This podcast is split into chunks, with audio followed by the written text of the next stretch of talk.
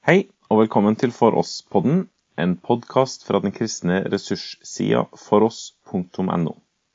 Denne episoden er en innlest artikkel publisert på foross.no 29.1.2019 med tittelen 'Når krisen inntreffer hva vi skal gjøre og ikke gjøre når en venn sliter'.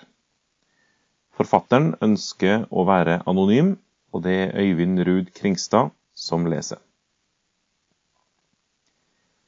Av og til stopper livet helt opp.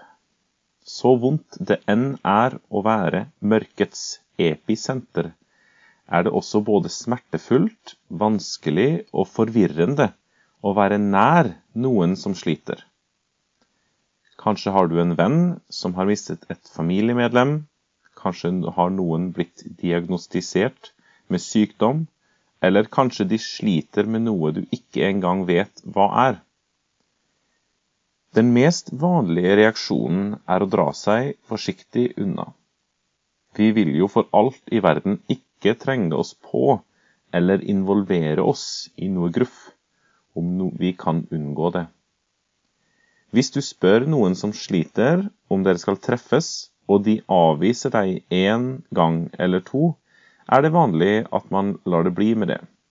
Du vil ikke være pushy. Du har prøvd. Du vet ikke at de er gisler i sin smerte, og at vedkommende trenger at du river ned de murene som har blitt bygd omkring dem. Må vi alltid forstå?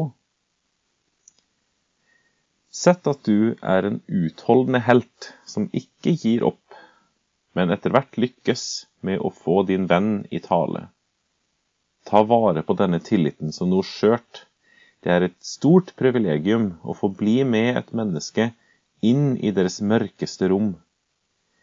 Det at den som har det vondt, viser deg tillit ved å dele sin smerte med deg, er ikke ensbetydende med at du kommer til å forstå.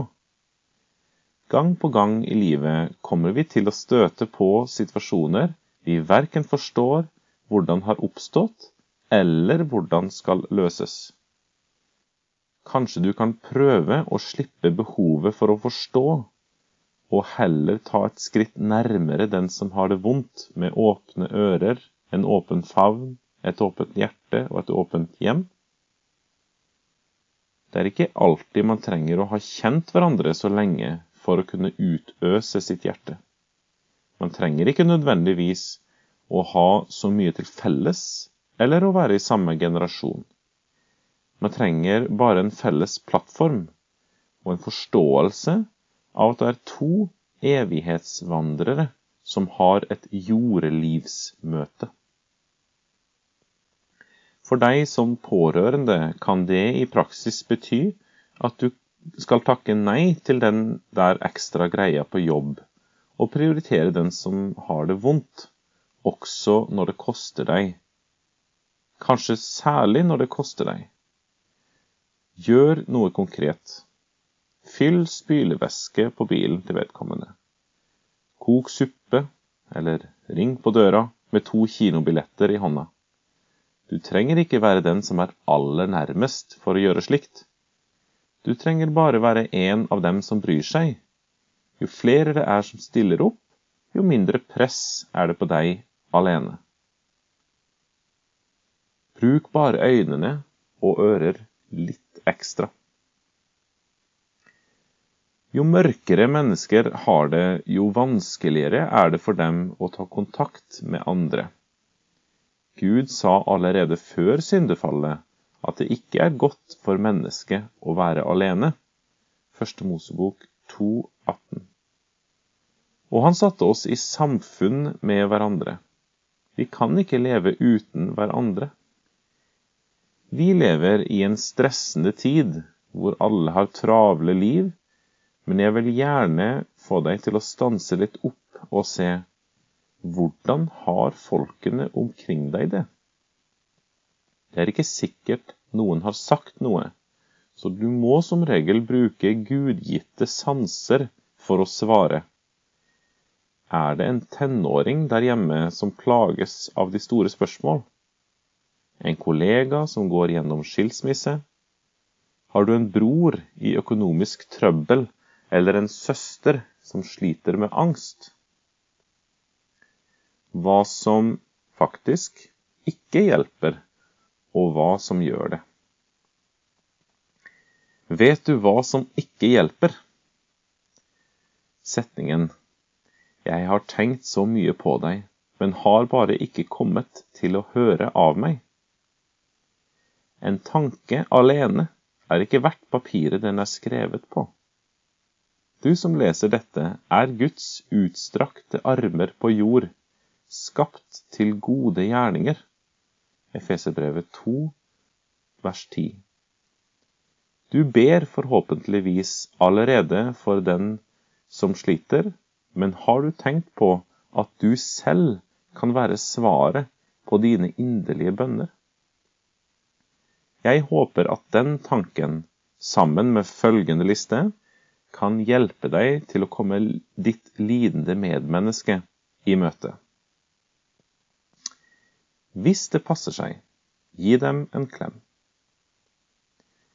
Spør om dere kan møtes over en kaffe eller dobbel soya karamell frappuccino, eller hva man nå drikker for tida. Du spanderer. Du har råd til å betale 40 kroner for dette dyrebare menneskets tid og tillit. Vennen din trenger dette. Det handler ikke om pengene. Lytt. Bit tennene sammen hver gang du føler for å dra en historie fra ditt eget liv som ikke har noe med din venns smerte å gjøre. Sjansen for at dine velmente råd faller på stengrunn, er overhengende stor. Jobbs venner gjorde det bra, helt til de åpnet munnen. Jobb 2, vers 13. Fortell vennen din om Jesus, om de kjenner ham eller ei, særskilt om de kjenner ham. Les til dem fra Bibelen. Be høyt for dem. Syng en salme. Hør på en bibeltime sammen. Kanskje bør det involveres profesjonell hjelp, men ikke gå bort fra vennen din allikevel. Vær en venn med de evnene du har. Hvis det ikke er upassende, rei opp gjestesenga, sovesofaen eller rull ut en madrass på gulvet ditt. La smertebæreren vite at du ikke har tenkt å la ham eller henne gå i mørket alene. Følg opp. Ring eller skriv jevnlig, også når du ikke har noe å si. Bare spør hvordan det går i dag. Still opp. Vær konkret. Puss vinduer. Hjelp til med å skru opp en ny bokhylle. Kok te. Bestill pizza. La det være rom for å gå inn og ut av sorgen i en takt som den lidende bestemmer. Le sammen når den tid kommer, men vit at to skritt forover iblant følges opp av ett skritt tilbake, eller 10 000 tilbake. Få frisk luft. Gjenta alle punkter som trengs. Etterlysning.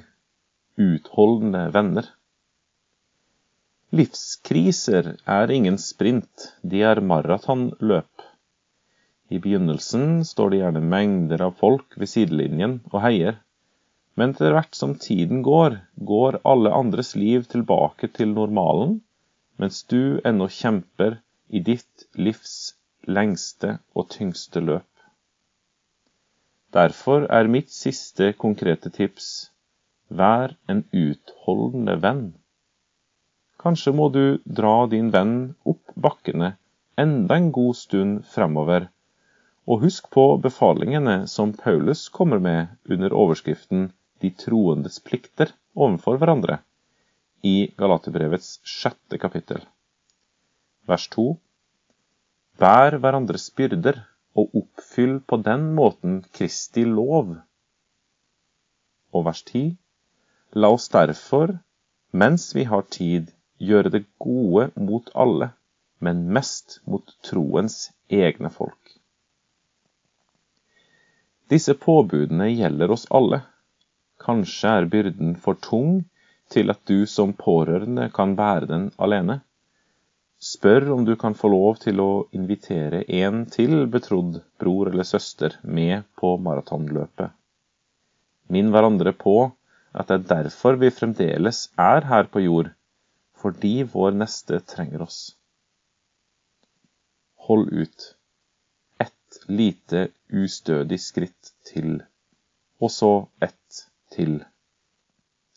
Minn deg selv og den som sliter om dette, fra åpenbaringen 21, vers 4. Han skal tørke bort hver tåre fra deres øyne, og døden skal ikke være mer, og ikke sorg og ikke skrik og ikke pine skal være mer, for de første ting er veket bort. Og må ingen bli tilbake under pilegrimsferden hjem. Må vi alle derfor møtes, salig nå til målet frem.